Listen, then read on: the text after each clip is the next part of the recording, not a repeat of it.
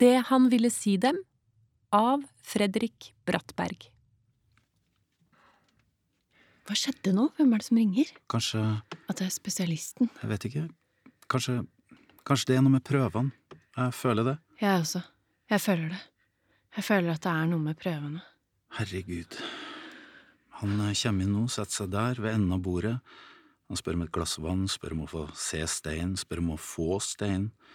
Og når vi har gitt en stein, og han vet at han får ha den med seg, da har han trygghet og mot nok, mot nok til å stille seg på stolen og si det han skal si, med livet i potten. For han frykter det, han også. Ja, klart det. Han frykter det, han også. Han er redd han skal ramle sammen. Han er redd ambulansen kommer og at han dør på sykehuset. Herregud. Men vi må si det vi vet. At han har vært i hjertemaskin. Han har pustet i maske. Kanskje. Men da blir det ikke så voldsomt for han. Det var ikke spesialisten. Det var sekretæren. Hun spør om det passer hvis de ringer. Om spesialisten kan ringe om ti minutter. Ja, de gjør slikt, vet dere, for å passe på at han har folk rundt seg, at han ikke kjører bil, og så videre. Da er det alvorlig. Da er det noe ordentlig alvorlig. Ja, Du, gode du. Pappa!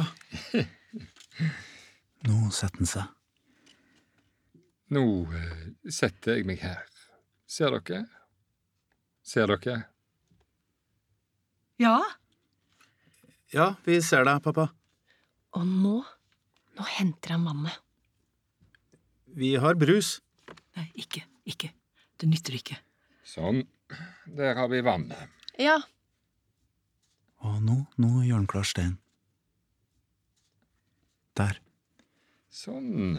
Stein og vannglasset inntil hverandre her, på linja. Klart. Det står klart. Ja. Hva gjør vi? Nei Nei, det Vi må jo bort. Ja.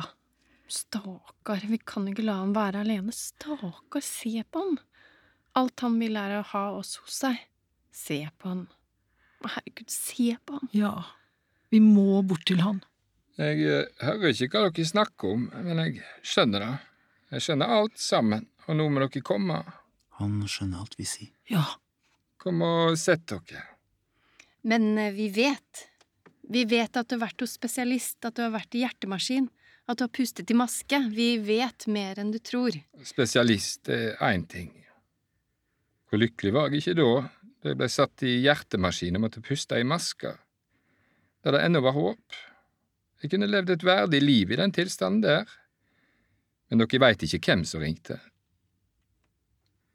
Jo, mamma fortalte. Det var sekretæren. Men eh, hva hun sa, det veit dere ikke. De skulle ringe om ti minutter.